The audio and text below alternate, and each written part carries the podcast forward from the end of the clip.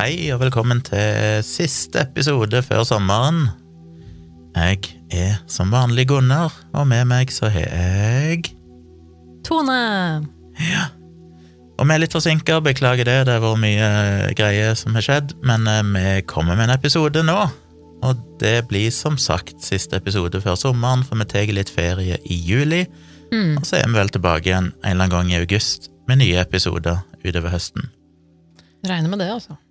Jeg skal ikke si så veldig mye annet enn at vi har jo denne Facebook-sida vår som heter Virkelig grusomt podkast. Gå gjerne inn og følg den og få med deg ting vi poster der, for eksempel når en episode blir utsatt, så legger vi gjerne ut melding, pluss at alle episoder blir lagt ut med linker og bilder og sånne ting der, så det kan være hyggelig å følge med på. Og så er det jo en gyllen anledning til å kommentere, gi tilbakemeldinger om hva dere sjøl syns om episoden, eller gi en eh, rangering på grusomhetsskalaen i kommentarfeltet. Det setter vi alltid veldig pris på. Husk å òg gå inn på Spotify eller Apple Podcast eller andre plasser du kan gi sånne stjerner. Mm. Gi dere gjerne fem stjerner, skriv gjerne en hyggelig kommentar i tillegg om du orker det, men stjerne er viktig, fordi det hjelper dere til å bli mer synlig i eh, Spotify og andre plasser der folk hører på podkast, Mm. Og det betyr mye. Og så må du selvfølgelig tipse alle dine venner og kjente om dette, det er jo sommerferie nå, det er mange som trenger ting å høre på mens de ligger på stranda eller er på hytta. Da kan dere jo tipse folk om å sjekke ut Virkelig grusomt. Dette er jo episode 72, så det er mye å ta av for de som ikke har hørt noe før. Og så har vi jo en mailadresse som òg er virkelig grusomt at gmail.com, eller gmail, som Tone sier. Det er ikke bare jeg som sier det. Der kan dere òg sende tips til historier dere vil vi skal vurdere å snakke om, eller bare generell feedback eller kommentarer til episoder, hvis dere føler for det.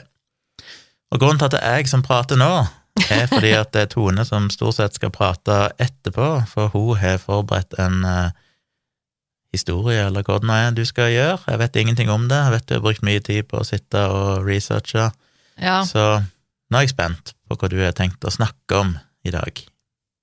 Ja, det, øh, nå Nå høres det ut som jeg har gjort et abnormt stykke arbeid når du sier det på den måten der. Jeg vil jo ikke påstå det, men det har jo kanskje mer med det at jeg, jeg sliter jo litt med det der med å sitte og konsentrere meg og jobbe. Og spesielt når det er liksom mye tekst og sånne ting, så det er ikke min sterke side. Uh, og det ble en del tekst uh, og sånn, men, men uh, husker du da, for da vi eh, hadde laget 50 episoder, Gunnar, så hadde vi en sånn liten avstemming Mm. hvor lytterne våre stemte på hvilke episoder de hadde som topp tre.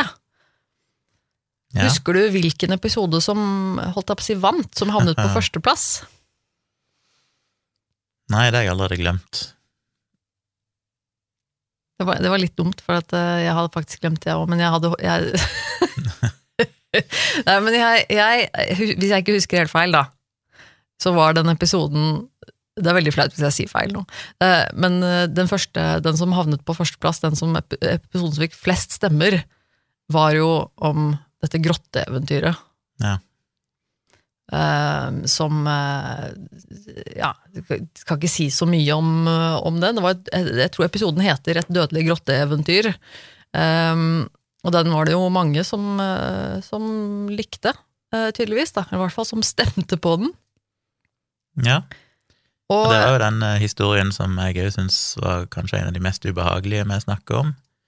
Ja, det er jo fascinerende. jeg er litt sånn klaustrofobi og syns det høres helt fælt ut å Ja.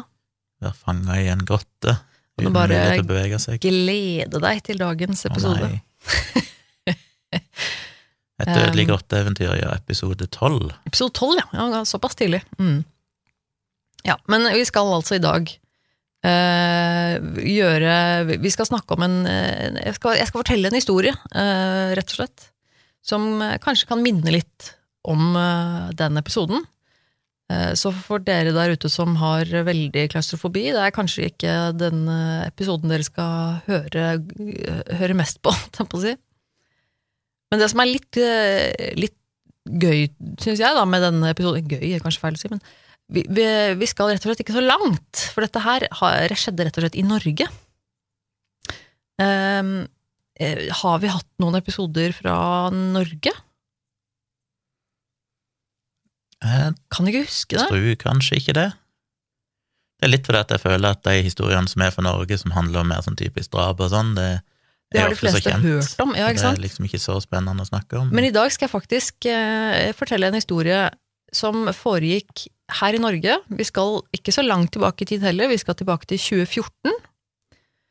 Og stedet i Norge heter Rana.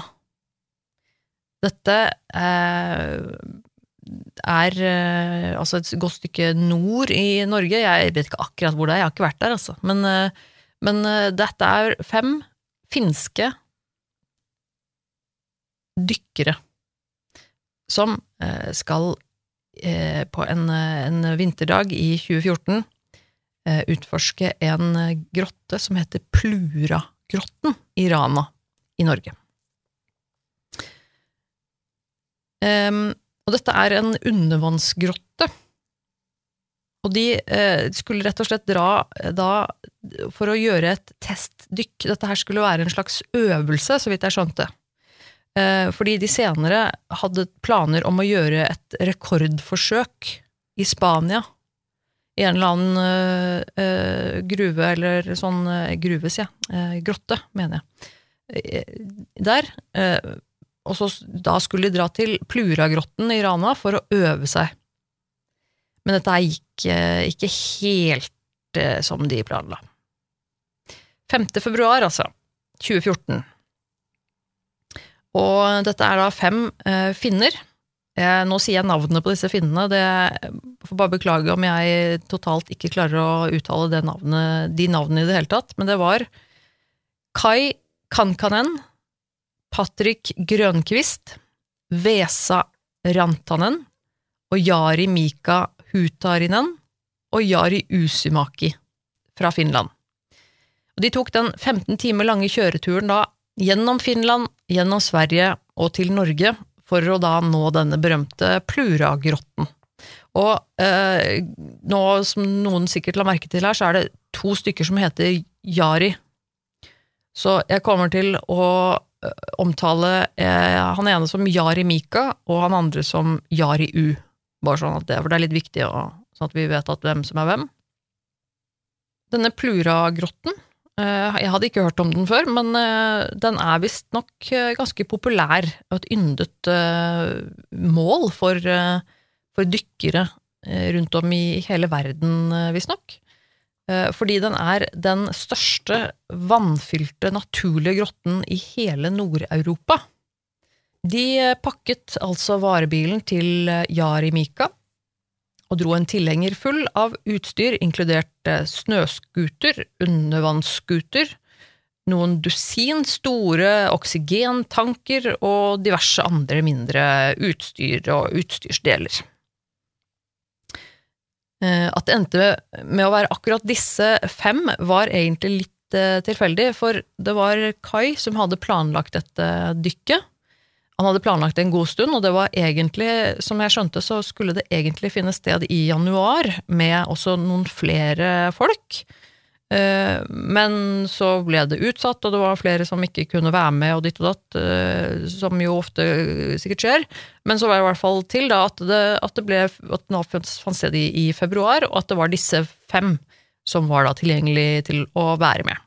Eh, Så vidt jeg vet, så var det noen av dem som var venner, men ikke alle kjente hverandre veldig godt. Men når noen av dem hadde dykket sammen tidligere og, og var venner eh, Teknisk dykking er en ganske populær sport i Finland, men eh, grottedykkersamfunnet er ganske lite og holder seg ofte ganske lite, litt på grunn av at det er en ganske stor risiko forbundet med det.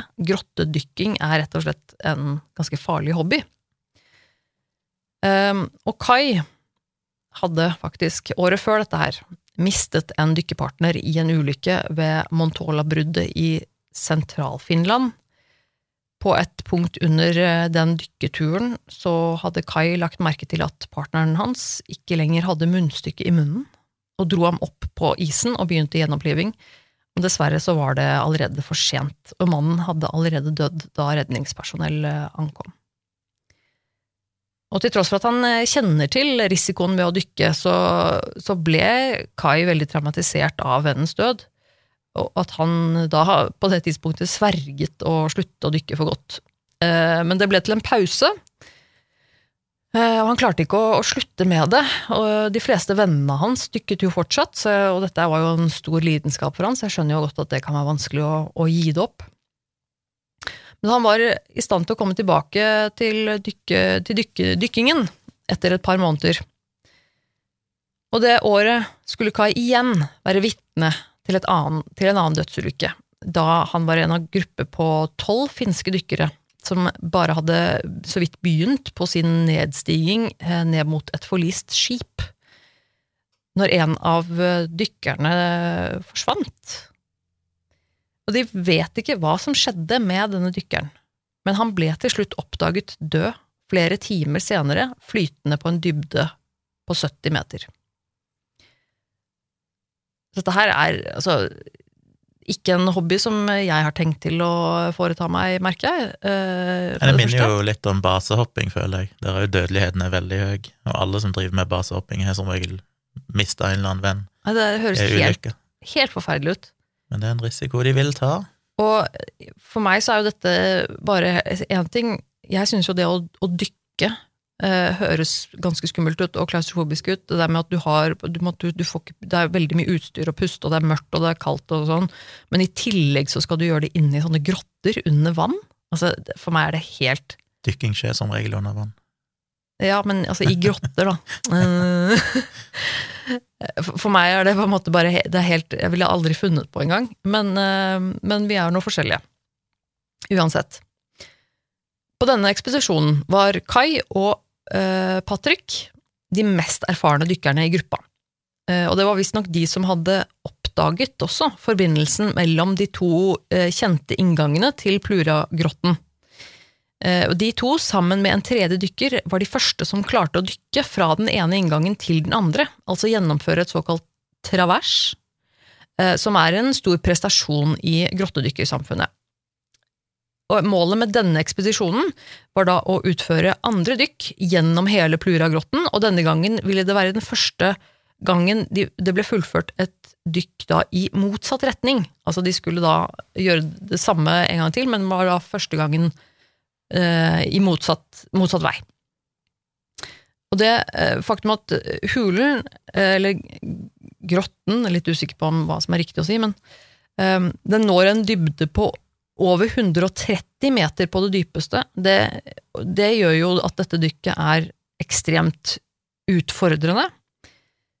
Men i tillegg til det så er det jo det er flere steder i denne grotten hvor det er veldig tett og veldig trangt å komme seg gjennom, og det er iskaldt vann.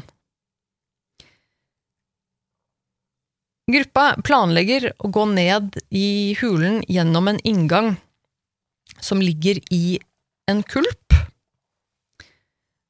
og dykke 2000 meter over til den andre inngangen, som er en tørr hule omtrent 100 meter under jordas overflate, som heter steinugleflåge. Altså da, eh, Prøv å se for deg da at det er en, en, en grottegang da, som går eh, under vann, eh, under jorda, eh, hvor den ene da, inngangen er eh, begynner i, i, en kulp, altså i en vannkulp.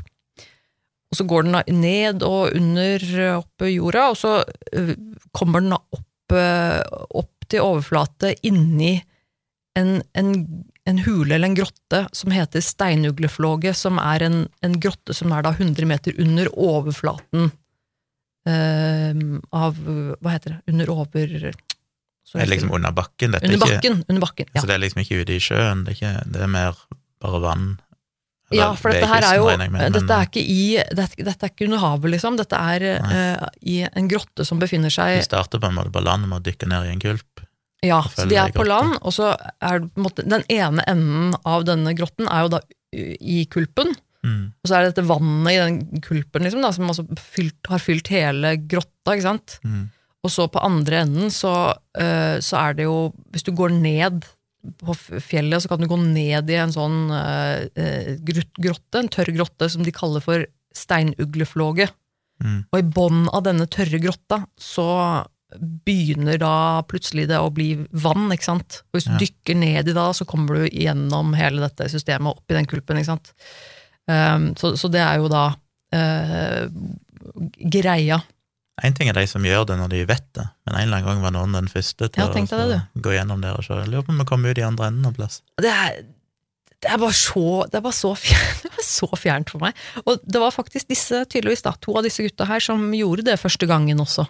Eh, som var første da til å faktisk gå gjennom hele og finne ut at, at steinugleflågen og denne kulpen kunne kobles sammen under jorda. Det er bare helt sånn. Jeg, aldri i verden. Um, men planen var da at de skulle altså begynne, uh, begynne kulpsiden, og at de skulle uh, la utstyret ligge i den tørre hulen, steinugleflåget, overnatte på en gård i nærheten, og deretter returnere om morgenen og dykke tilbake en gang til. Skjønte du hva jeg mente da? Ja. Så egentlig så blir det jo to dykk, da. Men de skulle begynne første dykket i dette, ja, eh, ved kulpen her. Dette, og dette dykket er det er så vanskelig at det er kanskje ikke mer enn et dusin av disse finske grottedykkerne som i det hele tatt hadde turt å prøve. Og det, det sier jo litt om hvor farlig dette er. Kvelden før dykket tok alle, bortsett fra Jarimika, seg én øl før de legger seg ganske tidlig, og avtalte at de skulle stå opp ikke før klokken åtte, og da hadde de sikret seg at de ville fått et, eh, en, en god natts søvn og være godt uthvilt for den eh, vanskelige utfordringen som ventet dagen etter.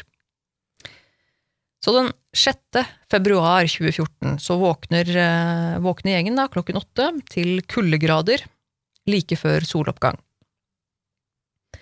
Yari U lagde frokost til alle, mens eh, Patrick gikk ned til kulpen for å undersøke islaget etter frokosten. For det her er jo selvfølgelig midt på vinteren, så kulpen her er jo dekket med is. Gruppa delte seg så i to, og tre av mennene dro for å ta med utstyr til den tørre hulen, hvor de skulle avslutte dykket. Og de resterende to mennene dro ned til dammen, eller kulpen, da, for å kutte et hull i isen med en motorsag. Og isen den morgenen, den var ganske tjukk, eh, men så bladet på motorsagen gikk så vidt eh, gjennom isen. Det var akkurat langt nok til at de klarte å skjære gjennom isen, og de fikk skjært ut en passe stor isblokk. Og under kunne de se isklart blått vann, ca. to meter dypt, ned til steinbunnen av kulpen. Jari Mika og Patrick tok på seg tørrdraktene deres og begynte så å laste utstyr ned i dammen. Omtrent samtidig som de tre andre mennene ankom den tørre hulen på andre siden. Jari Mika og Patrick gled ned i iskaldt vann under isen. De svømte ned fra hullet i dammen og bort mot åpningen av Plura-grotta. De brukte undervannsscootere for å spare energi. Det er jo sånne små eh, Sånne små sånne Hvordan skal jeg forklare det? Det er sånn propeller, holdt jeg på å du holder Ja, fast i. Ja, en liten slags propell ja, som, som hjelper deg å svømme, på en måte. Da, sånn at du Tror jeg, da, uten at jeg vet det. Men det er Jo, det jeg men- ser for meg. Ja, men det stemmer det, og det er jo for å, for å drive deg framover. For at du ikke skal bare skal svømme, så er den en, en, eh, en propell som på en måte ja, driver deg framover under vannet. De brukte også undervannsskutere for, for å spare energi, for det gjør også at det blir lettere for dem. Disse to mennene skulle nå starte sin travers ca. to timer før de andre tre, for å sikre at sedimentet ville bli klarert innen den andre gruppen begynte å dykke. Eh, altså da at eh, de to gikk først, eh, og da er det jo naturlig at når du, når du begynner å å grave deg ned gjennom en sånn hule, så vil du alltid bli litt sånn grumsete i vannet, sant? Um, så da skulle de altså vente et par timer, de tre siste, før de begynte å dukke, sånn at vannet og alt ble på en måte klart igjen før de begynte. Dykkene til hver av gruppene ville vare ca. fem timer totalt. Og nå for å eh, forstå litt nøyaktig hva som faktisk skjedde her, så eh, skal vi bare forklare noen spesifikasjoner for teknisk dykking. For eh, teknisk dykking, det er hvis når dykkere kommer ned til over, eh, eller under, 40 meter i dybden, og det krever spesialtrening. For i stedet for å bruke sånn høytrykksluft, så puster dykkerne en blanding av oksygen, nitrogen og helium. Eh, Og disse forholdstallene de justeres i henhold til dykk, eh, dykkets dybde. Altså de justeres eh, stadig i forhold til eh, dybde og hvor, my hvor mye man trenger da av hver av disse gassene i, i blandingen, på en måte. Um, I eh, tillegg dykket de med uh, lukket kretsløp-utstyr, ellers kjent som uh, rebreathers, i stedet for åpent uh, kretsutstyr. Eh, og forskjellen mellom åpen krets og lukket krets i denne sammenhengen her, er at eh, med lukket krets eh, så, og denne rebreatheren, det gjør at uh, luften du puster ut, ikke går ut av apparatet. For vanligvis når du ser på sånne, eller ofte når du ser på så dykkere og sånne som bruker dykkeutstyr under vann, så ser man jo at når de puster ut, så kommer boblene. ikke sant? At de puster ut, så, og luften blir sluppet ut og går mot overflaten. Mens i dette systemet her, så er det en, en lukket krets som gjør at, eh, at eh, pusten ikke blir eh, sluppet ut. I stedet blir eh, karbondioksiden som vi puster ut, den blir resirkulert og blandet med oksygen og pustet igjen. Så um, all, all pusten blir jo egentlig da, resirkulert om igjen og om igjen.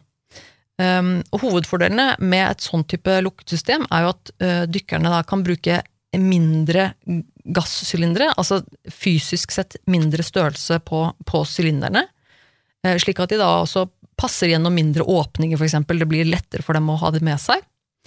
Eh, Og kan holde seg også nedsenket betydelig lenger enn med de åpne kretssystemene. Men det er også noen ulemper med et sånt system. Eh, Selve rebreatheren er koblet til en sånn dykkercomputer som hver dykker har på, eh, på håndleddet. Og dette systemet er jo veldig kostbart. En, og jeg vet ikke hvor mye det koster, men det er vel betydelig mer kostbart enn et sånt uh, annet system, eller åpent system. Um, det er også en betydelig risiko forbundet med dette med blandingen da, av disse gassene. I det at uh, dykkeren kan, uh, kan få i seg for mye eller for lite oksygen. Og det jo, kan jo fort bli ganske farlig når man er under vann. Eh, Som ekstra eh, et ekstra sikkerhetstiltak så hadde disse dykkerne også med seg en ekstra rebreather, og så gassflasker med en sånn åpen krets, i tilfelle da det skal skje en eller annen svikt i utstyret deres. Jari Mika og Patrick de tok seg da sakte, men sikkert inn i den beksvarte, iskalde hula her. Lommelyktene opplyste skarpe kalksteinsvegger foran dem og store biter av kalkstein under dem og innover i hulen. De måtte være ekstra forsiktige så de ikke skraper i veggene her, fordi selv en liten rift i tørrdrakten vil nesten sikkert være dødelig i det iskalde vannet på denne dybden, for det her, nå er de helt avhengig av at den tørrdrakten holder dem varme og tørre, for at de ikke rett og slett eh, får hypertermi. Grotten synker gradvis ned til et eh, dyp på 34 meter over de første 500 meterne, før du stiger opp til en 250 meter langt kammer, som bare er delvis fylt med vann. Altså et, eh, et luftkammer. Og etter dette luftkammeret så går hulen bratt ned til 6 meter, deretter 100 meter, og deretter til endelig den dybden da på 130 meter. I tillegg til den eh, voldsomme dybden er jo grottegangene noen steder bare trange åpninger som dykkerne må klemme seg gjennom, eller trekke seg sakte gjennom med hendene. Altså, dette høres helt eh, Åh, jeg fatter ikke. Nei. Uff. Jarimika og Patrick de når eh, nå den dypeste delen av hulen. Foreløpig har det gått eh, fint. På den dypeste delen her så uh, slo de av vannskuterne for å beundre hulen, og for å sjekke ut den offisielle merkingen som indikerte at de nå var på det dypeste punktet i hele grotta. På dette tidspunktet i dykket hadde de reist over en kilometer fra inngangen, og de nærmet seg den tørre hulen på den andre siden. Fra det dypeste punktet begynner passasjen å stige opp, og på et tidspunkt er det en skarp 90 graders sving, der det er ganske smalt, men definitivt ikke den smaleste delen av hulen. Patrick han kommer seg gjennom først, uten store problemer, men med en gang han kommer seg gjennom, eh, så la han merke til at Jarimikas uh, lys var ikke noe sted å se. Og det er han jo, for han svømte først, og han ville jo da forvente at lyset til Jeremiko kommer etter han, ikke sant? Han så ikke lyset. Uh, han snur seg, og plutselig liksom på avstand så ser Jaremika Eh, så ser ehm, Patrick at Jaremika vifter lyset sitt opp og ned. Og dette er signalet som dykkere bruker for å indikere nød. Altså at noe er, noe er galt. Det går an å snakke til hverandre under vann, men det er vanskelig å formulere ordene på grunn av at man har dette munnstykket i munnen. Enkelte ting er lett å si, og andre ting er veldig vanskelig, men Patrick kunne høre Jaremika rope om hjelp, høyt og tydelig. Så Patrick prøvde å komme seg tilbake mot han. Så nå var de to ansikt til ansikt inne i denne kjempetrange passasjen. Jaremika ropte at Patrick skulle løsne eh, en av hans store redningssylindere som var tilsynelatende i veien. Eh, og Patrick løsnet Eh, den, prøvde å flytte den, eh, men det var veldig vanskelig å, å, få den løsnet, og den ble også blokkert av hans egen undervannsscooter, så først måtte han flytte scooteren, for så å flytte redningssylinderen. På de få sekundene han da beveget seg bort, ble Jaremika helt febrilsk og roper til ham om å komme tilbake, kom tilbake. Patrick ropte tilbake at eh, han ville bare være borte noen få sekunder, og prøvde å få Jeremika til å roe seg ned. Han var litt forvirret i forhold til hvorfor Jeremika ble sittende fast i utgangspunktet, for det var ikke så lett fra hans vinkel å tydelig se hva han faktisk satt fast i. Og han ble også forvirret av Jaremikas reaksjon. Og han hadde ennå ikke skjønt hvor fortvilet Jaremika allerede var på dette tidspunktet. Han tenkte et øyeblikk på å bare ta tak i Jaremika og rykke han ut av stedet der han satt fast, men han ville heller ikke ja, gi Jaremika mer panikk. Plutselig la han merke til at linen til scooteren hans satt fast under en stor stein. Men Jaremika var nå allerede i full panikk. Og det kan være mange årsaker til dykkerulykker. Vanligvis skjer det en triggerhendelse som gjør at dykkeren midlertidig går tom for luft, eller at dykkeren setter seg fast. Og Hvis ikke dykkeren håndterer situasjonen riktig, kan dette eskalere veldig, veldig raskt. Ved bruk av eh, et lukket kretssystem er de to vanligste nødsituasjonene hyperkapni og oksygenforgiftning. Oksygenforgiftning oppstår når en dykker inhalerer for mye oksygen, mens hyperkapni er når for mye karbondioksid blir inhalert. Og dette skjer ofte hvis det oppstår en feil i dykkercomputeren, eller hvis dykkeren får panikk og ikke lenger klarer å puste jevnt og regelmessig. Og For å eh, forberede seg på disse omstendighetene, så øver dykkere på å bytte fra rebreather til en åpen kredssylindersystem i forsøk da på å redusere konsentrasjonen av karbondioksid i, i blodet og roe seg ned. Hyperkapni og oksygenforgiftning kan også oppstå uten forvarsler, eh, hvor dykkeren kanskje ikke merker at noe er galt, før de plutselig begynner å miste bevisstheten, på hvilket tidspunkt munnstykket da vil falle ut av munnen, og de inhalerer vann og drukner. I tillegg til, at, i tillegg til det kan eh, dykkere oppleve noe som kalles nitrogennarkose, på dybder på 30–40 meter, når de bruker en, en blanding av, av gasser. Det er eh, umulig å forutsi en alvorlighetsgrad av denne, denne nitrogennarkosen, og dens effekt på en og samme dykker kan også variere veldig mellom hvert dykk.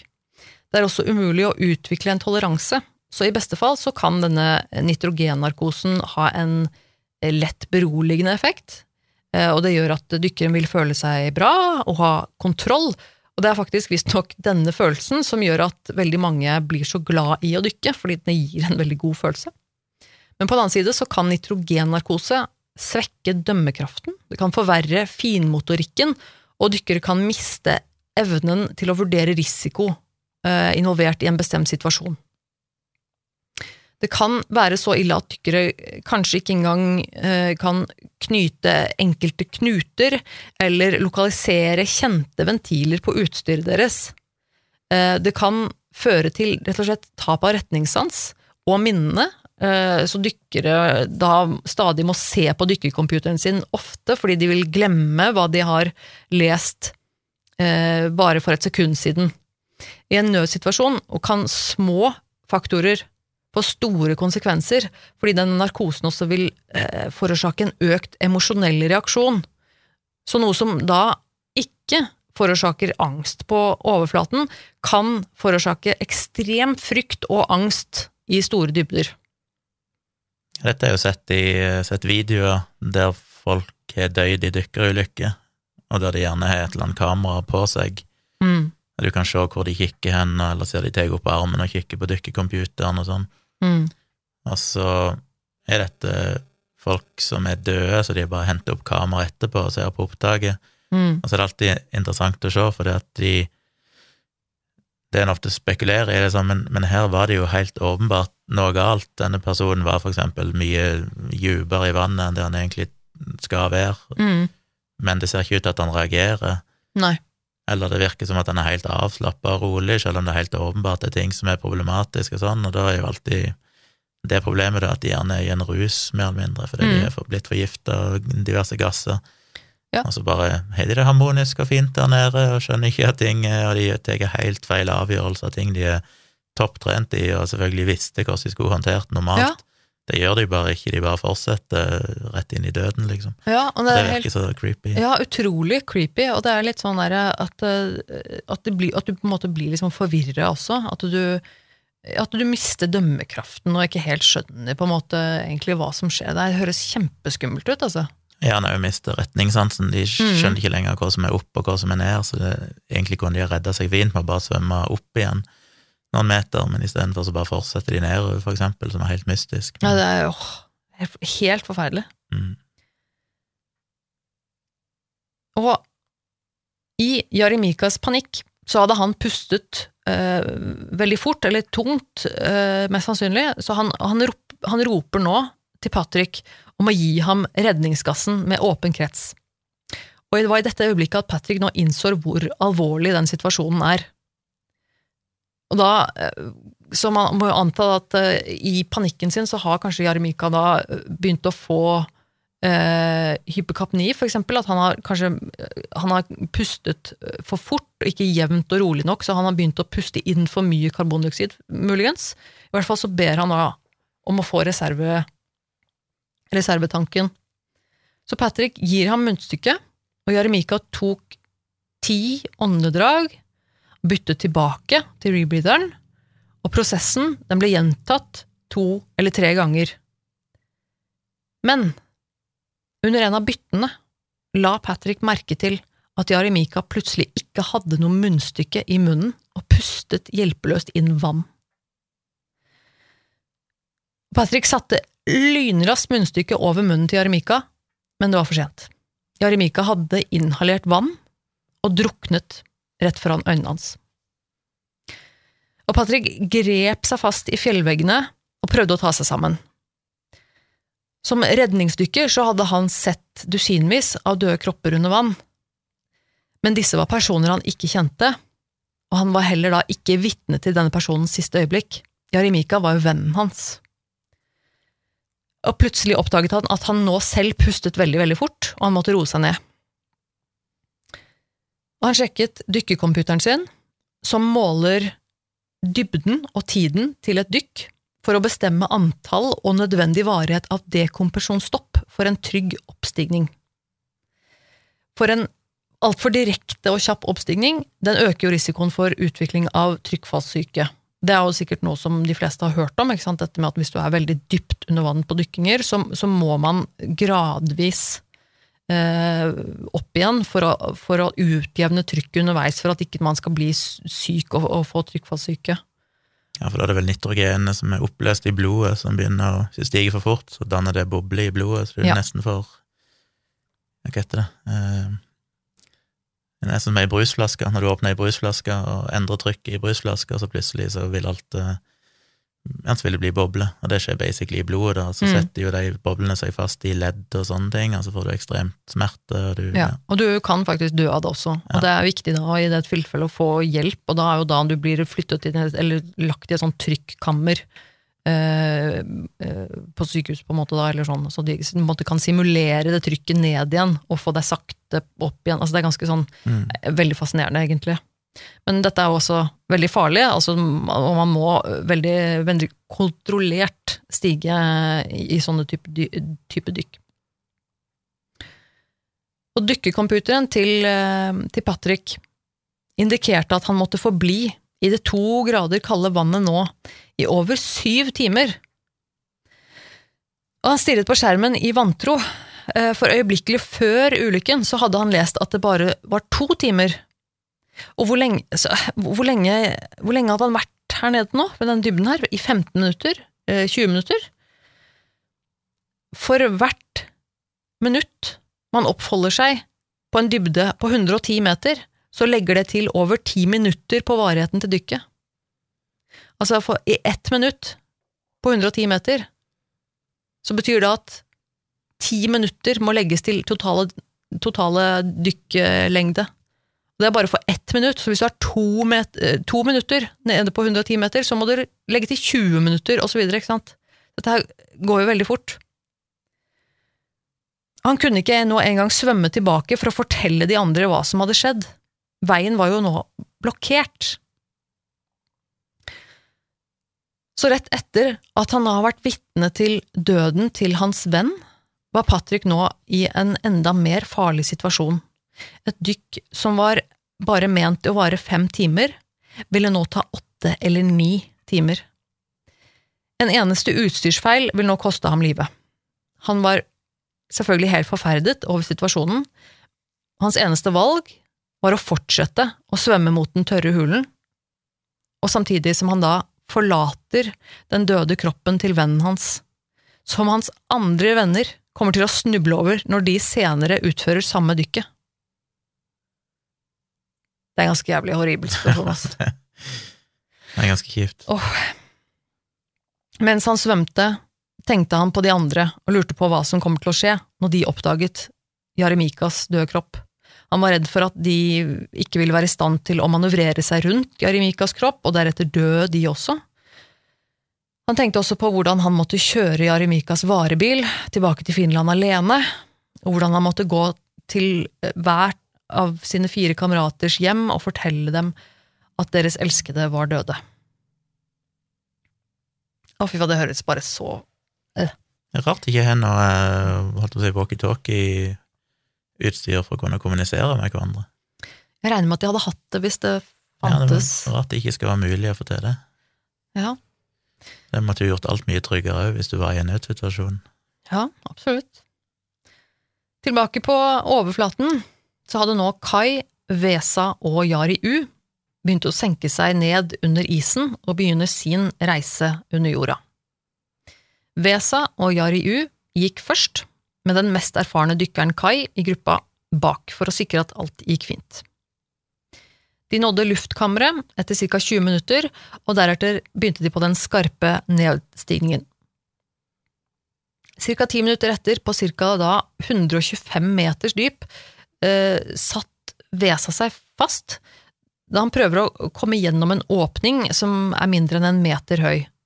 Han hadde da eh, prøvd å komme seg gjennom i en litt feil posisjon, og måtte til slutt eh, trekke av to sylindere for å komme seg gjennom, og når han da fikk sylinderne hans på igjen, så var det en av finnene hans som ble viklet inn i, i retningslinen. For det er jo en sånn retningsline som er trukket gjennom hele gr grotten for at de skal på en måte vite, vite veien, holdt jeg på å si. Han ropte på de andre for å få finnen hans av, og Jari U løsnet den, Men nå var Wes allerede veldig irritert. Dette her var jo da fem ekstra minutter, og det ble oversatt til nesten en time ekstra tid under vann, som han virkelig hatet å måtte gjøre i dette iskalde vannet. Men de fortsatte videre. Etter det passerte de den dypeste delen av hulen, og deretter hørte ved seg en pipelyd som han kjente igjen umiddelbart, for det var nødsignalet fra et pusteapparat. Plutselig ser han den døde kroppen til Jaremika og forsøker umiddelbart å se bort. Og nå på grunn av sjokket av situasjonen og litt av mulig nitrogennarkose er detaljer her i hvordan dette skjer, litt uklare, men det man tror at skjer, er at Jariu tar igjen Vesa, og Vesa roper til ham at Jarimika er død, og at han må prøve å finne en måte rundt, men at det så ikke så bra ut, for, fordi at det var veldig smalt og trangt. Men da Jariu hørte dette og så kroppen til Jarimika, bestemte han seg for å, å snu. Han fikk sikkert panikk, så han snudde. Og på dette tidspunktet var Kai litt bak dem, og han innhentet nå Jariu, som nå er på vei tilbake i motsatt retning, mot inngangen, og Kai, han skjønner jo straks nå at eh, det må ha skjedd noe, men han hadde ikke enda sett den døde, kroppen til Jarimika. Men Kai kunne se på kroppsspråket til Jariu at det var noe som var veldig galt. Uh, han prøvde å fortsette å bevege seg ned i retningslinjen for å få Jariu til å bevege seg i riktig retning, men Jariu responderte ikke, og Kai spurte hva, hva, hva er det som er galt? Og Jariu prøver å svare, men, men, han kunne ikke helt skjønne hva han sa på dette tidspunktet her. U får panikk, han er og begynte å få verre og verre panikk. Begynte å kave veldig voldsomt i vannet rundt seg. Og han begynte å bytte fra det lukkede systemet over til reservesystemet. Og Kai eh, prøver febrilsk å roe ham ned, snakke med ham, eh, men ingenting funker. Han passer på at Jari ikke, ikke satt fast i noe, eh, og at redningsgassen var på, men, men, men det her virket ikke, det ga ingen effekt på Jaru. Han hadde, han hadde panikk. Og, og, Kai var overraska. Um, han hadde jo bokstavelig talt ingen anelse om hva som foregikk. Det ene sekundet var alt fint, og i neste øyeblikk hadde Jari U full panikk og var på vei tilbake. Um, men situasjonen fortsatte, innså Kai at det, var ikke noe mer han kan gjøre nå. Og i neste sekund så var Jari U død. Kai innså at han måtte svømme videre, men tok, han tok raskt igjen Vesa, som nå sparker heftig og prøver å komme seg gjennom den blokkerte passasjen, og fikk nå øye på kroppen til Jaremika, som delvis også blokkerer veien. Og Kai roper til ham at de må snu, de må snu, de må, vi må gå tilbake. Men Vesa han var nå også i full panikk, og prøver å klemme seg gjennom denne her lille passasjen. Han, og han tør ikke å snu, for nå er veien tilbake, den er, den er lenger. Og Vesa hørte ham, men fortsatte å sparke vilt, og han puster tungt, han prøver å få vridd seg rundt kroppen til Jaremika, og på dette tidspunktet eh, Kai ser alt dette her og, tenker at han, han, kommer til å slite seg ut. Han kommer til å slite seg ut nå, og så kommer han også til å dø. Og da vil jo veien fram være helt blokkert av, av to døde personer. Så Kai tar en veldig tøff beslutning, og snur, uten Vesa. Så han svømmer tilbake, mot gulpen, i, i visshet om at hans eh, meddykkere, alle fire, må vel nå være døde. Han var også bekymret for sine egne sjanser nå til å overleve, på grunn av eh, selv om han hadde to rebreathers, så hadde han svært lite oksygen. For en av hans redningssylindere var bare egnet for de dypeste delene av hulen. Hans første dekompresjonsstopp måtte gjøres på ca. 100 meters dyp. På den dybden trengte han cirka, ja, bare stoppe i ca. ett minutt, men når du beveger deg gradvis oppover, eh, vil stoppen også gradvis bli lengre og lengre. Kai han hadde utført flere dykk, så dypt som dette her, men aldri i så kaldt vann. Han hadde også tidligere brukt noe som kalles et undervannshabitat. Da. Jeg er litt usikker på om det er det de kaller det, men det var, det, det var den beste oversettelsen jeg fant. Eh, som da er et luftfylt telt som tillater deg å hvile og til og med spise og drikke på vei opp. Så du kan se for deg at de har sånne slags telt som de blåser opp på en måte eh, over vann og drar dem ned under vann, slik at det blir en sånn luftboble inni dette teltet under vann, som da dykkerne kan pause i på vei opp. Um, fordi da på en måte får en, en overflate og en luftlomme, og tydeligvis kan de også da spise og drikke, faktisk, mens de da tar seg en pause. For det å, som vi har vært gjennom nå, det å komme seg opp igjen til overflaten, det tar lang tid. Og disse stoppene oppover de blir gradvis også lengre og lengre for å utjevne da trykket. Han fortsatte å stige jevnt, og til og med ignorerer noen av dekompresjonsstoppene hans, som han burde ha tatt, fordi på dette tidspunktet her var han mer bekymret for å gå tom for oksygen enn å få trykkfallssyke. Og på noen av hans tidligere dypdykk hadde han hoppet over et stopp eh, her og der, men aldri så mange som han hoppet over nå. Etter å ha nådd luftkammeret, altså i dette som jeg hadde gjennom tidligere, denne grotten hadde jo et sånt kammer eh, underveis som var, som var luftig.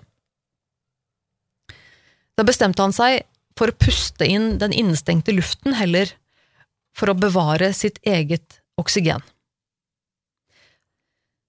Han vurderte også eh, å holde seg i dette luftkammeret og vente på hjelp. Fordi der inne ville han i hvert fall ha tilnærmet ubegrensa eh, lufttilførsel. Men imidlertid så hadde han jo ingen anelse om hvor lang tid det ville ta før hjelp ville komme.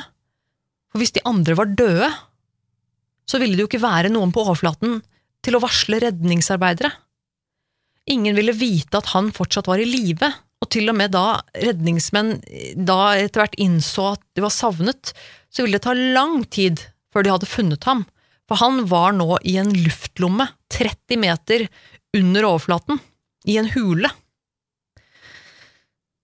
Så Kai måtte ta enda en tøff avgjørelse, og bestemte seg for å fortsette. Og deretter, i tillegg til alt annet som allerede hadde skjedd, gikk plutselig undervannsskuteren hans i stykker, og bremset farten hans betraktelig. Han hadde anslått at siste strekningen fra luftkammeret til overflaten den ville, ta, den ville ta 15 minutter, men nå, uten undervannsskuteren, ville det ta 45 minutter i stedet. Og dette var spesielt forferdelig fordi han allerede hadde lite oksygen, nå ville han kaste bort tid og energi på å måtte svømme den gjenværende avstanden. Han visste at med en gang konsentrasjonen av oksygen falt, ville gassen bli hypoksisk, og han ville da gradvis miste bevisstheten og deretter drukne. Kai fjernet alt overflødig utstyr for å gjøre seg så komfortabel som mulig da han åpnet ventilen til sin aller siste oksygentank. Time gikk mens han svømte der i iskaldt vann preget av skyldfølelse av å ikke kunne hjelpe Yariu.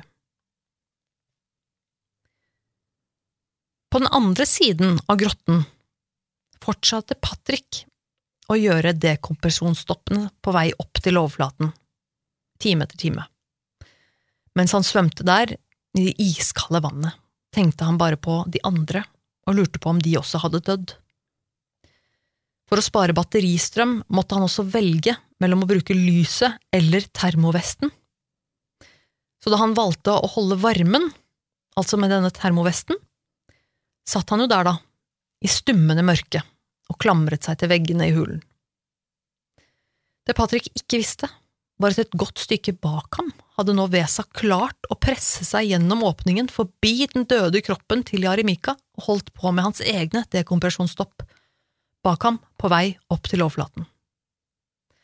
Dette var det lengste han noen gang hadde vært under vann. Og på dette tidspunktet hadde det gått over seks timer. Helt utslitt og plaget av skyldfølelse vurderte Patrick å hoppe over noen av hans siste dekompresjonsstopp, da han plutselig så et svakt lys i mørket under seg.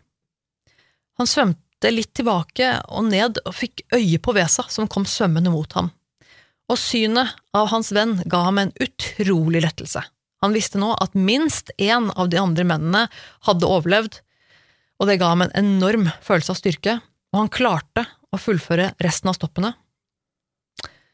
Patrick var den første som kom opp fra vannet til litt over klokken 21.00 på kvelden. Totaltiden for dykket hans var på åtte og en halv time i stedet for de planlagte fem timene. Seks meter under overflaten kunne Vesa se lyset til vennen hans, som satt da over ham i den tørre hulen og ventet på ham. Mens han ventet, begynte kroppen hans å verke, og han fryktet at det var trykkfallssyke, siden han nå hadde hoppet over så mange stopp på veien opp.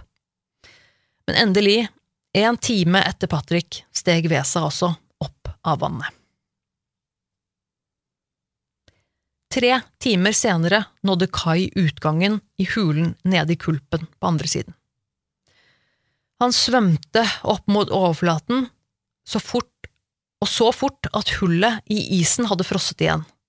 Heldigvis handlet det bare om en cirka centimeter tykt islag, så han klarte å knekke opp isen og skjøv utstyret opp gjennom hullet og steg opp fra vannet klokka 01.30.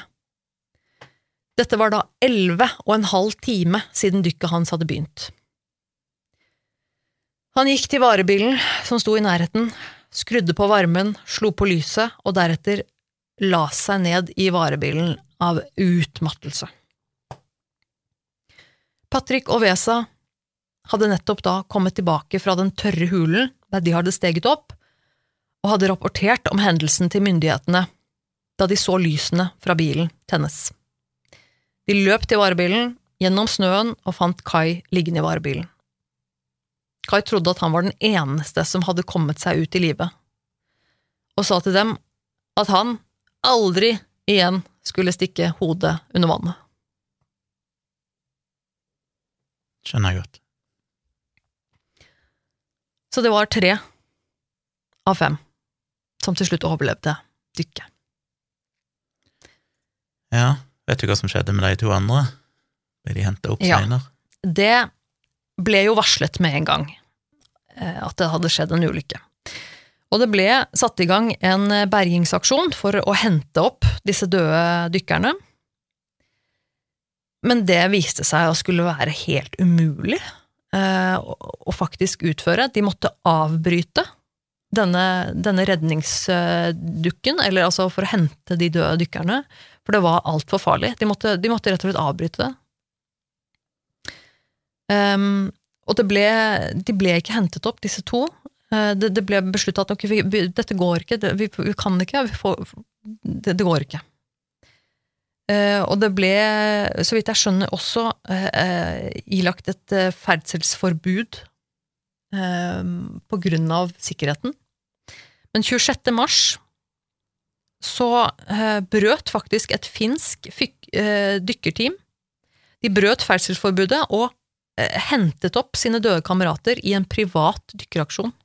Dette her var altså venner og, og, og familier og, og sånn som hadde da satt i gang dette her. Eh, venner og andre dykkere i miljøet da, til disse døde dykkerne, som da eh, hadde bestemt seg for at dette skulle de klare. Vi skal hente ut de to kompisene våre, og klarte faktisk å gjennomføre et redningsdykk for å hente ut de to kroppene. Og ikke bare det, men eh, det ble faktisk også laget til en dokumentarfilm. Dette er jo Interessant nok så er dette faktisk filmet. Og det ble laget en dokumentarfilm som er tilgjengelig, som man faktisk kan se. Eh, denne filmen som da er at de, dette teamet, venner eh, og bekjente, da, altså at dykkerne, de skal redde ut disse to kroppene. Og skal, jeg skal linke til det. Eh, De som har lyst til å se den dokumentarfilmen, sjekk ut shownotes, notatene altså, i, i podkast-appen din. Der skal det være linker til både liksom artikler hvor man kan se litt mer oversiktlig hva som skjedde. Også eh, faktisk å se den dokumentaren hvor de filmer eh, Jeg har ikke sett den selv, eh, for den, eh, jeg er litt usikker på hvor lang den var. Jeg tror den var sånn halvannen time eller noe sånt. Jeg har ikke, jeg har ikke rukket å liksom sette meg ned og se den ennå, men det har jeg veldig lyst til. Um, og um, i tillegg så har jeg um, eh, Skal jeg linke til en, en YouTube-video som var opphavet til det jeg fant ut av den Jeg hadde ikke hørt om den ærulykken før, faktisk. Så jeg fant ut av dette her da jeg så denne YouTube-videoen, som jeg linker til også, som jeg syns hadde forklart og fortalt denne historien på en veldig god måte, og også lagt med eh, en god del eh, filmklipp. Ikke av, ikke av døde mm, kropper eller noe sånt, ikke, ikke, ikke vær redd for å se det, de, de som ikke vil se det, men bare klipp fra dykkingen i selve denne hulen, så man får et veldig godt inntrykk av hva det her faktisk eh, innebar. Da. Og når du nevner denne historien, eh, så Nå husker jeg ikke, men det er mulig vi har fått tips om det. Jeg har liksom en vag følelse at vi har fått en mail der noen nevnte ei sånn dykkeulykke. Ah, ja, Litt kan usikker det. om det var denne i Norge eller om det var i Arnøy, men hvis noen har tips om det, så Ja, da må vi også si takk for Takk for tipset. og da kan vi jo eh, i så fall eh, gi dem cred for, eh, for det. Selv om dette var noe jeg fant litt på egen hånd, men hvis vi faktisk har fått tips, så er jo det eh, kjempebra. ja. Det er eh, eh, også en liten eh, Det blir fun fact i gåseøyne, for det er jo virkelig ikke noe fun fact. Eh, men eh, onsdag 16. august i 2006 var det også en eh, norsk, eh, 37 år gammel mann fra Grimstad, som omkom i denne hu- grotta, eh, under dykking i denne grotta. Han eh, gikk tom for luft etter å ha fått noen skader på utstyret sitt underveis, og døde i 2006. Og det har eh, Jeg tror det er det som har vært av dødsfall, men eh, visstnok så har det vært flere hendelser også er, som har blitt altså, vanskelige. For dette her eh, Ja, det, det har vi nå skjønt, at dette her er jo en abnormt vanskelig utfordring å drive og ta seg ned gjennom dette greiene her. Ja. De har vel mye Altså, de har jo reservetanker, og de har mye sikkerhetsutstyr og sånn, men allikevel så er det jo så små marginer, virker det som. Det er det Ja, det er ikke Ja, det med at liksom for hvert minutt du er nede på et sånt dyp, så må du ha ganske lang tid for dekomprimering på veien opp og sånn. Ja? Tenk deg det, så hvis du er på 110 meter i ett minutt, så tilsvarer det ti ekstra minutter totalt sett. Men det betyr jo at når de planlegger en sånn tur, så, så er det jo egentlig ikke rom for feil. Nei, veldig lite rom for feil. Fordi eh, ja, det er bare so much du kan liksom garantere imot at du må liksom gamble på at du ikke får en rift i i de, for gjør du det, så er du kanskje død. og Hvis et eller annet teknisk feiler, og du blir forsinka med noen minutter, så kan det være du går tom for oksygen. Og, Ja. Det er bare så absurd, da. For at jeg skjønner ikke at noen makter når du er så altså, Det at noen Når du er så dypt også, at så kort tid eh, ekstra, da Hvis det er et eller annet som skjer, ikke sant, som gjør at du blir litt forsinka, så plutselig har det kjempestore konsekvenser. For det vil si at du da bruker veldig mye lengre tid på vei opp, og så plutselig går, går du da tom for oksygen og det ene og det andre. Ikke sant? Det er helt Og det er jo bare i tillegg da til de rent tekniske utfordringene, da, med faktisk med, med bruk av dette utstyret, med blanding av gasser og eh, Jeg de vet at den der effektene det kan gi. dykkermaskinen, holdt jeg på å si, den der eh, propellen, hva det kalles, uh, Undervannsskuteren? undervannsskuteren.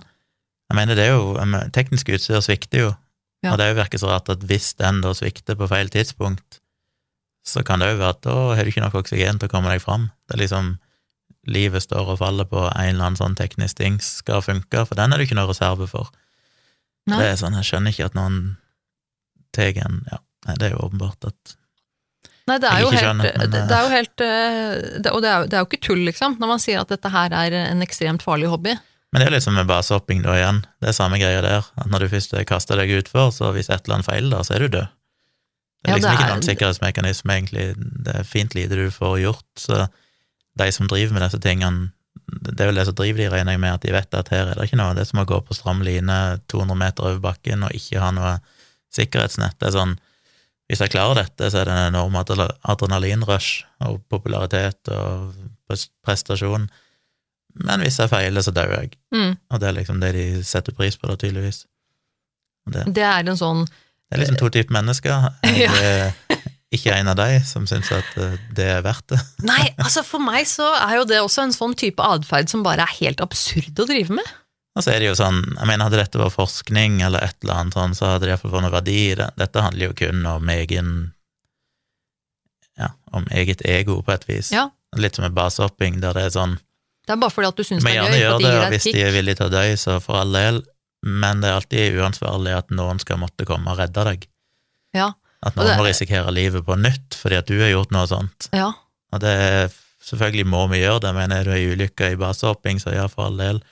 Sånn er verden. Det er mye annet du kan si, at hvis du eh, spiser usunt og ikke trener nok og sånn, så er du òg på en måte ansvarlig for din egen helse, og det koster samfunnet alt mulig sånn, men det føles liksom bare så absurd at noen skal kunne gjøre det, så må noen da opp med redningshelikopter og risikere Ja. sitt eget liv for at du har gjort noe Ja, som for- for hadde er- null betydning for verden, det var bare for din eget ego. Ja, for det er liksom noe med at det er, det, det er eh, så bevisst valg på å gjøre noe som er så farlig.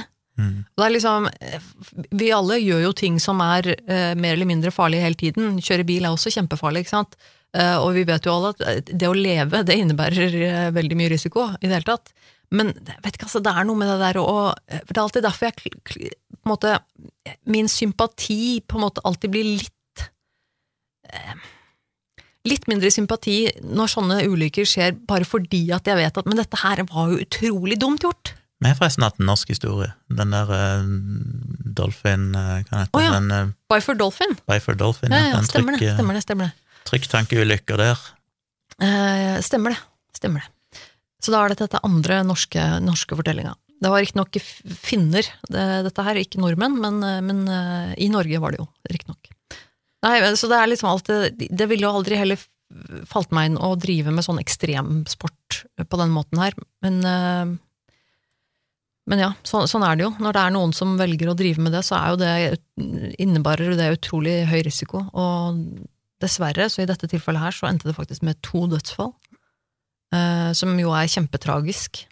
Absolutt veldig, veldig tragisk. Og jeg, Og ikke særlig behagelig for de stakkars vennene som måtte ned seinere og hente de opp. Det, kan, det må være et, en utrivelig jobb. Ja, det Ja. Først må du finne de nede i mørket der, jeg vet ikke hvor, hvor store volum det var snakk om der de var, om det var ganske trangt, sånn at du ikke kunne unngå å støte på de, eller om det var noen større grotter der de synker ned, og du må drive og rote rundt for å finne de. Men eh, ja, bare det å finne liket av en eller annen du kanskje kjenner, du vet nå skal du inn og hente det. Jeg regner med de tok av de alt utstyr, da, sannsynligvis, sånn at de var lette å få med seg Vet ikke. gjennom det som er trangt. eller er ikke vits i å på de tankene og sånn gjøre ting mer komplisert, men Nei, men de kan vel ikke bare la liksom- det være igjen under ærlig Jeg vet ikke. Ja, jeg vet ikke. Utstyr kan de vel teknisk sett la være der, selv om det er forsøpling, eller så bare tar de de to separate batcher. Ja. Men iallfall bare det at du da må dra med deg dette liket Mm. i noen timer, kanskje, Ja. liksom ja, ja. Helt klart. ikke så gøy. flere timer. Det er ikke Og det jeg hadde valgt å tilbringe lørdagskvelden med. Nei, det er eh, Og det er også en sånn ting som, som jeg også er et aspekt ved det som jeg syns på en måte er litt eh, Nesten Som er litt sånn overraskende. Det er jo bare det at hvor lang tid det tar. For at dette her totalt sett var jo ikke snakk om mer enn en avstand på et, Hvis jeg ikke husker feil nå, så var det en avstand på rundt to kilometer. Og på det skal de bruke fem timer. Ikke sant? Mm. Det, det, det er jo helt sånn Og det om at de da på en måte Når da Når da Kai til slutt her kommer seg opp av, av, gjennom isen, så har han vært under vann i elleve timer. Det er bare helt Det er, det er, så, det er så lenge. Jeg lurer på om de ble sendt i trykk eh, dekompresjonstank etterpå, Ja, eller det mener jeg å huske de ble. Ja. At de ble, de ble behandla for, for, for det alle sammen, og eh, litt usikker på detaljene her, akkurat her og nå, eh, på, på skadeomfang. De, de, det var, så vidt jeg skjønte, så var det ingen av dem som, som fikk noen varige skader. Altså, de, de kom seg og klarte seg alle sammen, eller alle tre. Um, at, men at de ble plassert i trykkammer og, og fikk noe behandling, eh, det tror jeg, så vidt jeg husker. Ja, det er jo et gigantisk overmot òg. Jeg mener, når han ene der, eller flere jeg vet ikke hvem som kjente hvem, men hadde mista i løpet av relativt kort tid to andre venner Ja. i dykkerulykke med sånn Nei, men jeg, det går fint for meg. Ja. Og igjen, da, sånn som med basehopping, at de fleste der kjenner vel noen som er, er døyd, men uh, velger å fortsette.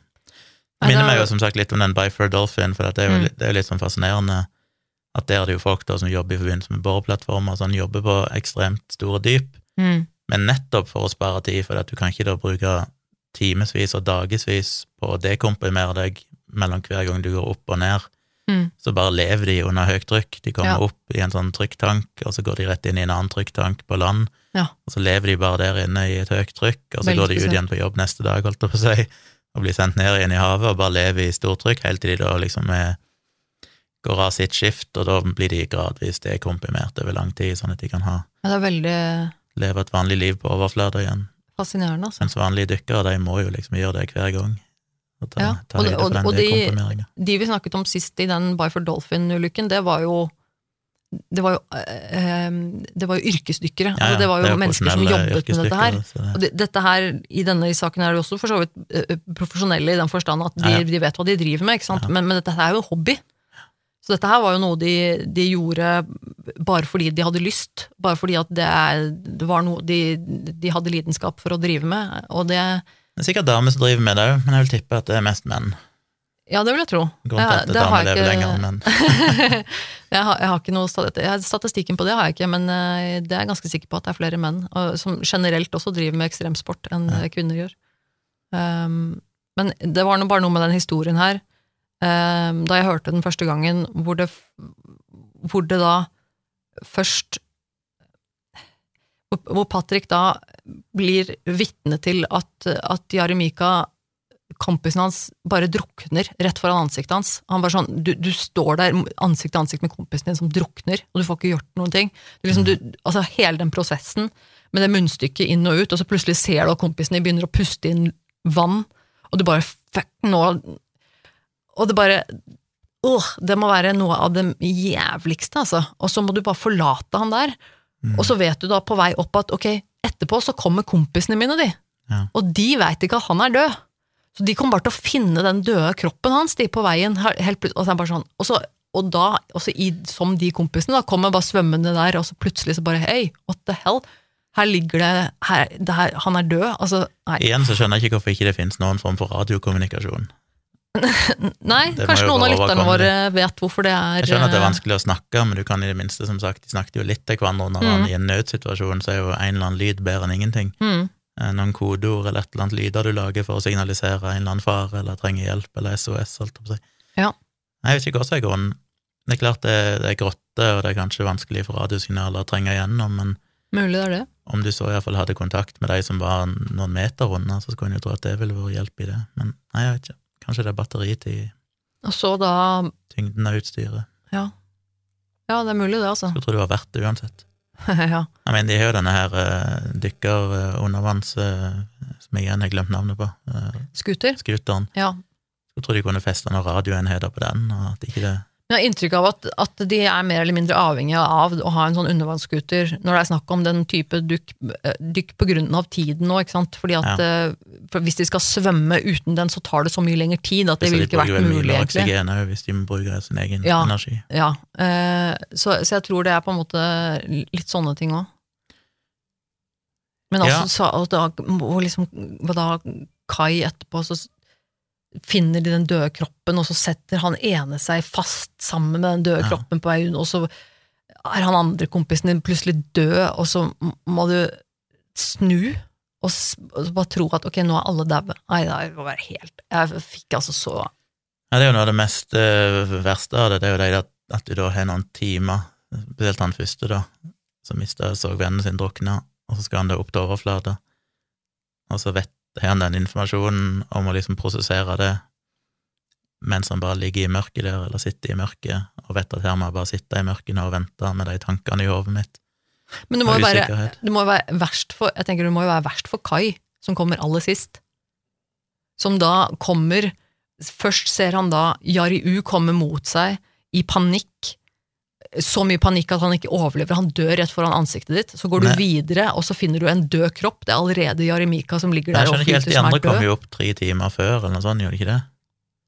Ja, for det, det var jo nærmere det, det skjedde jo på en måte nærmere utgangen Jeg skjønner det, men de kom opp tre timer før, eller sånn. Det er rart at de ikke gikk tilbake igjen til den andre inngangen for å bare sjekke om, om noen kom ut der. Kakka hull i gjorde- isen. de gjorde det, som, som, som jeg skjønte. For at de var på en måte på vei. Ja. Eh, så, vidt, så vidt jeg skjønner det, da, litt usikker, men de jo, når de har kommet seg ut av vannet, så er de jo fortsatt i en grotte. Da er de jo i denne Ja. tørrgrotta, som da også er 100 meter eller et eller annet under, under bakken. Så Mm. de må jo også klatre seg opp fra den hulen, og så må de gå tilbake til andre enden der hvor de begynte, for å finne bilen. Og, så, så, og, og da når de da kommer tilbake igjen, så er jo da Kai allerede rukket å komme seg så vidt inn i bilen. Ja. Eh, Så, så det, vel, det var nok det de gjorde. Eh, Men alt dette her tar jo utrolig lang tid. Nei, det er bare Nei, det, det er bare jeg, jeg, fatter ikke. Det, men jeg tenker at hvis han Kai, da, han som allerede hadde vært vitne til to dødsfall tidligere, og så nå er vitne til to kompiser til på dette dykket her som dør, Da bør det begynne å gå opp et da, lys. da Jeg mener, ja Nei, Du fortsetter ikke da, eller? da dykker og får problemer, så er det sånn Nei, da får han bare være. jeg kan ikke hjelpe han hvis han er Nei, men altså, det er er bare grense for hvor mange advarsler du skal ha og fortsatt gjøre. Uff, Nei, eh, ja. Ja, så det, det- dette her var eh, det siste før sommeren. Jeg håper folk syns det var en eh, gripende og spennende historie. Om den ikke kanskje havner høyest på skalaen, det får vi nå høre av Gunnar, men, men i hvert fall så tenker jeg, i hvert fall syns jeg det er en ganske, ganske fascinerende, spennende og grusom historie. Ja, det er en grusom historie, og interessant fordi det er i Norge. Mm. Jeg syns nok den der forrige godtehistorien påvirka meg mer, eh, bare fordi at det, da var det en som fysisk på en måte satt fast. Mm. Du kan ikke bevege deg. Og det jeg, jeg liksom føles bare enda verre for klaustrofobien min enn at du iallfall til en viss grad kan bevege deg. Det handler mer om tid og, og alt mulig sånn. Men allikevel, jeg får jo, jeg kjenner jo at jeg får problemer med å puste når jeg sitter og hører på, for det er sånn åh, jeg får liksom åndenød av å sette meg inn i situasjonen. Jarimika satt jo fast da han døde. Ja. Men jeg vet ikke om han var sånn, ja Føles ikke helt på samme måte. Jeg syns dette her er verre. Det er jo verre altså- totalt sett, det er flere som dør, det tar lengre Jo, tid, jo, jo, alt mulig sånn. Men, men jeg tenker jo rent det å- psykologisk så syns jeg den andre Syns du det? For, for jeg syns dette scenarioet her er på en måte enda verre, fordi at i den grotten det er jo på en måte, det er jo, Begge deler er jo i en grotte under bakken, men her er det i tillegg vann, så du får faktisk ikke puste. Altså, Her er det noe med at det, det er Og i tillegg så er det veldig mye kaldere. For i den første grotten så var det jo en, en grotte under bakken, og det er mørkt og trangt. Men her er det mørkt, det er trangt, det er kaldt, og du får ikke puste. Uff, det er jo bare Likevel, den andre når du bare sitter klemt fast og kan ikke bevege deg i noen retning og er bare avhengig av at noen skal klare å dra deg ut, mm. eh, føles fortsatt verre. Alt i alt er nok dette en verre historie med tanke på omfanget av det. Ja, det er litt verre sånn sett. Igjen, som vanlig vanskelig å rangere, for det er så mange aspekter å ta hensyn til. Her var det jo to dødsfall, mye traumatiserende Mm. opplevelser, Mm. Eh, alt dette her. Og ikke minst veldig unødvendig, for dette her var jo helt ja, unødvendig. Det var, det var jo et hobbyprosjekt. Nei, hvor skal en plassere det? Uh, Det trekker jo litt ned på en måte at det er bare egen dumhet, om jeg skal kalle det det. Altså, Trekker det ned. Det trekker ikke opp, altså. nei, det er liksom den andre grotteulykka òg. Den er jo bare dumhet. En eller annen fyr som fant ut han skulle gå inn en plass. Han dreit seg ut, for å si det sånn. Eh, Det, det føles mindre grusomt enn hvis det er noen som blir utsatt for ei ulykke, eller utsatt for eh, noe liksom helt uforskyldt, eller noen andres ondskap. Ja. i min vurdering.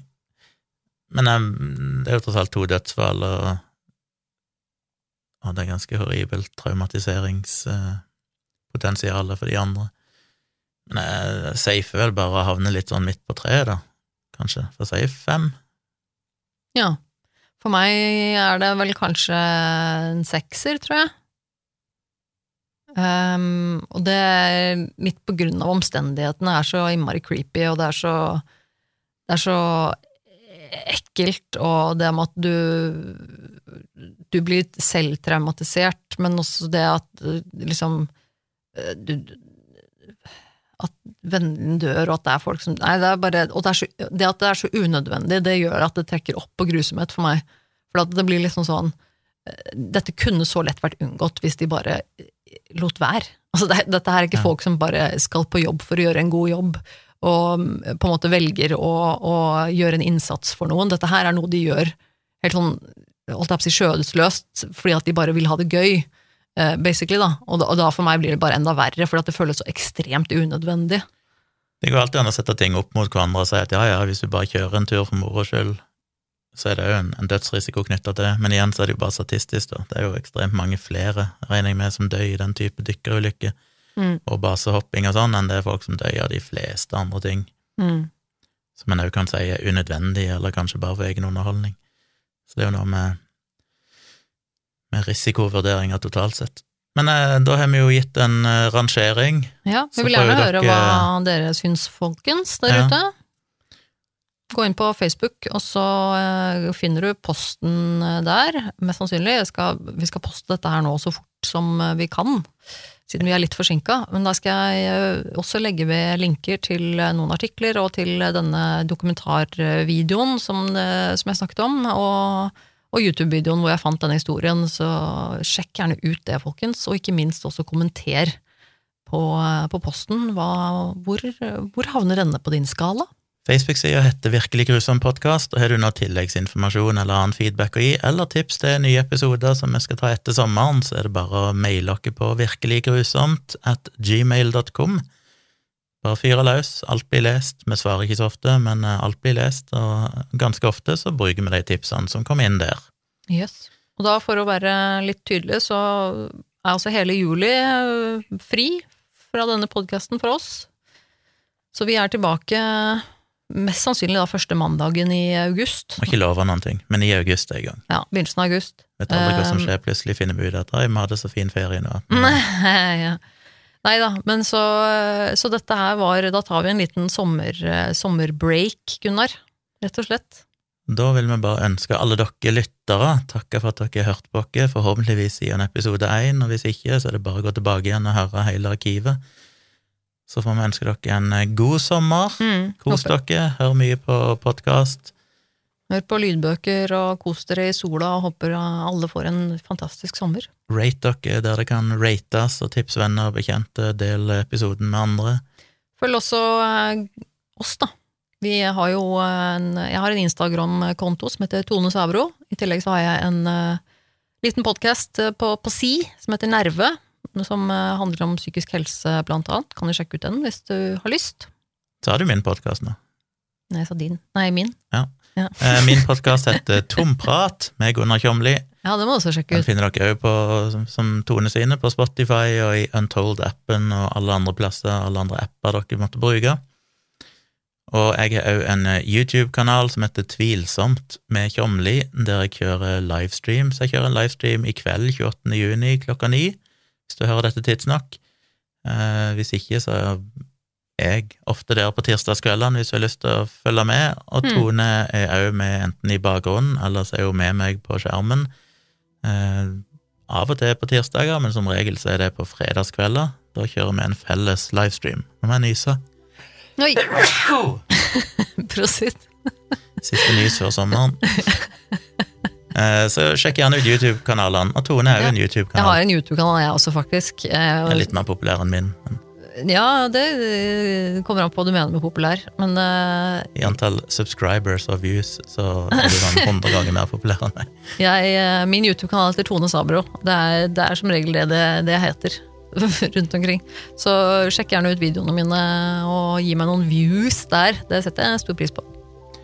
Jepp. Så da gjenstår det bare å ønske dere en fantastisk, deilig sommer, hvor enn dere skulle måtte finne på. Så høres vi igjen, altså, folkens. Ja. Kom tilbake i august. Jepp. Vi snakkes. Ha det! Ha det.